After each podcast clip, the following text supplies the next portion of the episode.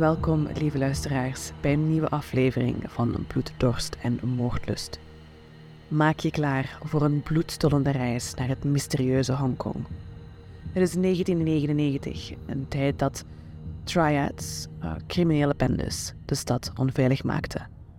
Een verschrikkelijke moord zou deze metropool dat jaar opschrikken. Een moord die de geschiedenisboeken zou ingaan als de Hello Kitty-moord.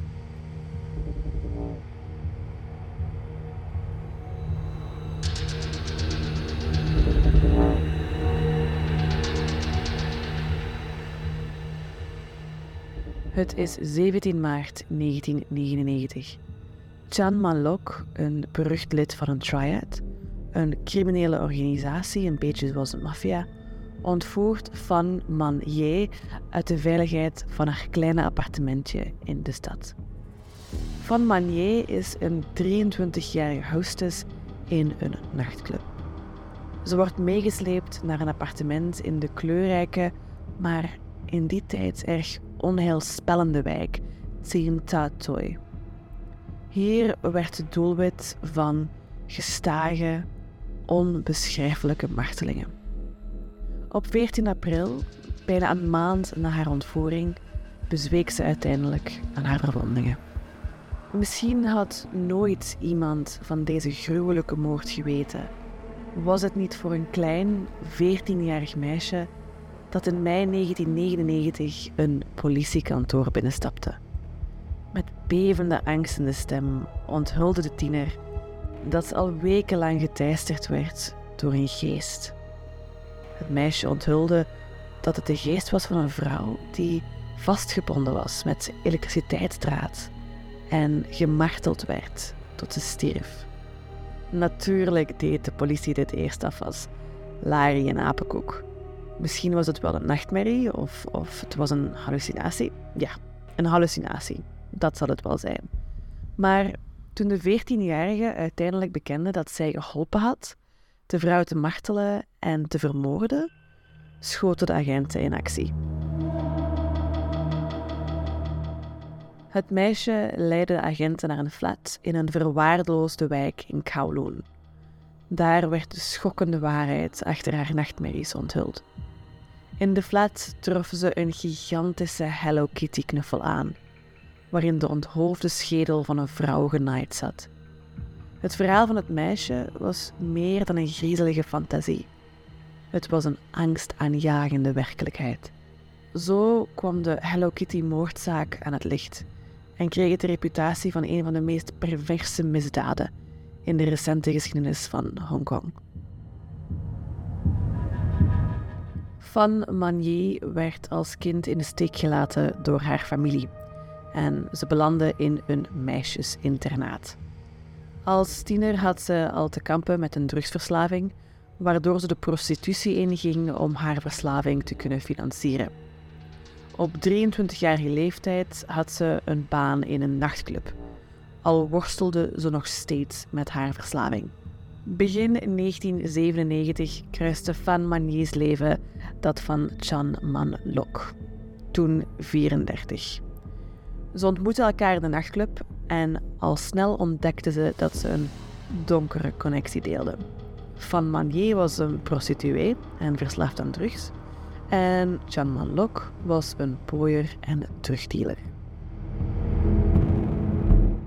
Later dat jaar, in 1997, gedreven door haar wanhopige verlangen naar geld en drugs, stal Van Manier de portemonnee van Manlok met daarin niet minder dan 4000 dollar.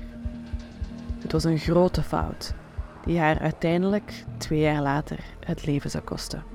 Toen hij ontdekte dat zijn geld verdwenen was, schakelde Manlock twee handlangers in om Manier in 1999 te ontvoeren. Zijn plan was om haar te laten werken in de prostitutie en het geld dat ze verdiende te gebruiken om haar schulden aan hem af te betalen. Maar dat plan liep al snel gigantisch uit de hand. Mani werd al snel een speeltje van de groep rond Manlock. Wat begon als ordinaire prostitutie, veranderde in een huiveringwekkend spel van marteling. Ze werd vastgebonden, bont en blauw geslagen, haar botten werden gebroken. Ze werd letterlijk een maand lang gemarteld. Ze doofde hun sigaretten op haar armen en benen, ze werd misbruikt en uiteindelijk gedwongen tot onuitspreekbare vernederingen. Maar deze gruwelijke misdaad nam een nog duisterdere wending met de komst van een jong meisje, bekend als Afong. Deze 14-jarige tiener werd een pion in het monsterlijke spel van Chan Manlok. Afong was zijn vriendin. Hoogstwaarschijnlijk was ze slechts een ander slachtoffer in zijn prostitutienetwerk.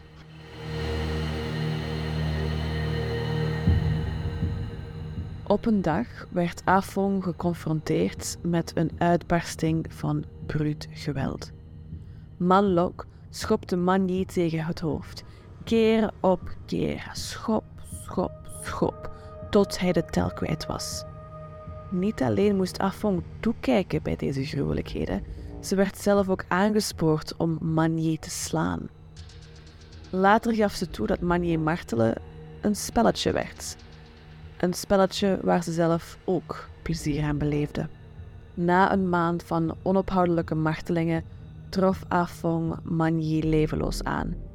Volgens Manlok was ze overleden aan een overdosis methamfetamine.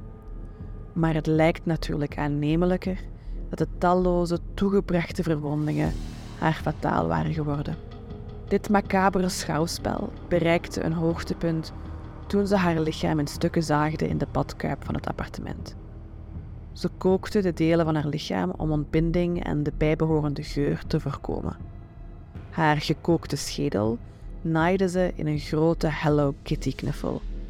In een plastic zak bewaarde ze enkele van Manje's organen en tanden. De jonge Afong, getekend door de verschrikkingen die ze had gezien en meegemaakt, vond de moed om tegen Chan Manlok en zijn handlangers te getuigen. Ze deed dit in de hoop zich te bevrijden van de geest die haar, naar eigen zeggen, bleef achtervolgen. Afong gaf de politie een angstaanjagend relaas van de martelingen die de drie mannen Manji hadden aangedaan.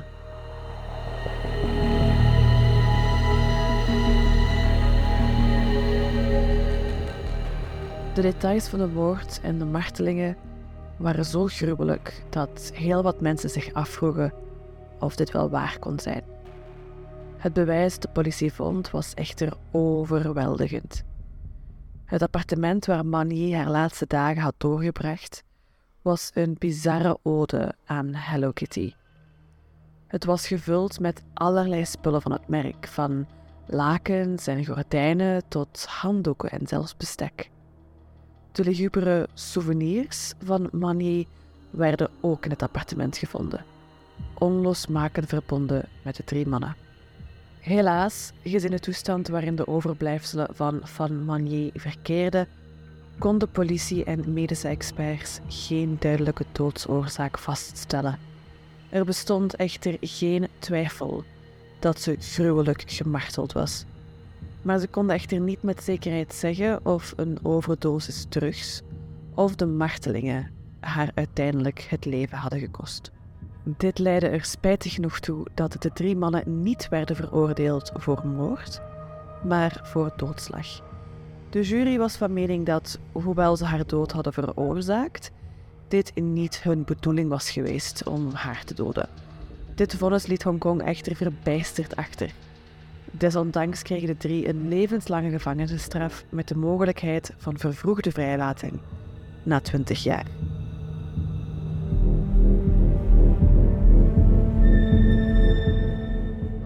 Dankjewel om te luisteren naar deze gruwelijke aflevering van Bloeddorst en Moordlust. Vergeet je niet te abonneren op de podcast, zodat je iedere week een verse, gruwelijke true crime zaak in je podcastlijst hebt staan. Ik zie je volgende week. Hopelijk. Als je durft.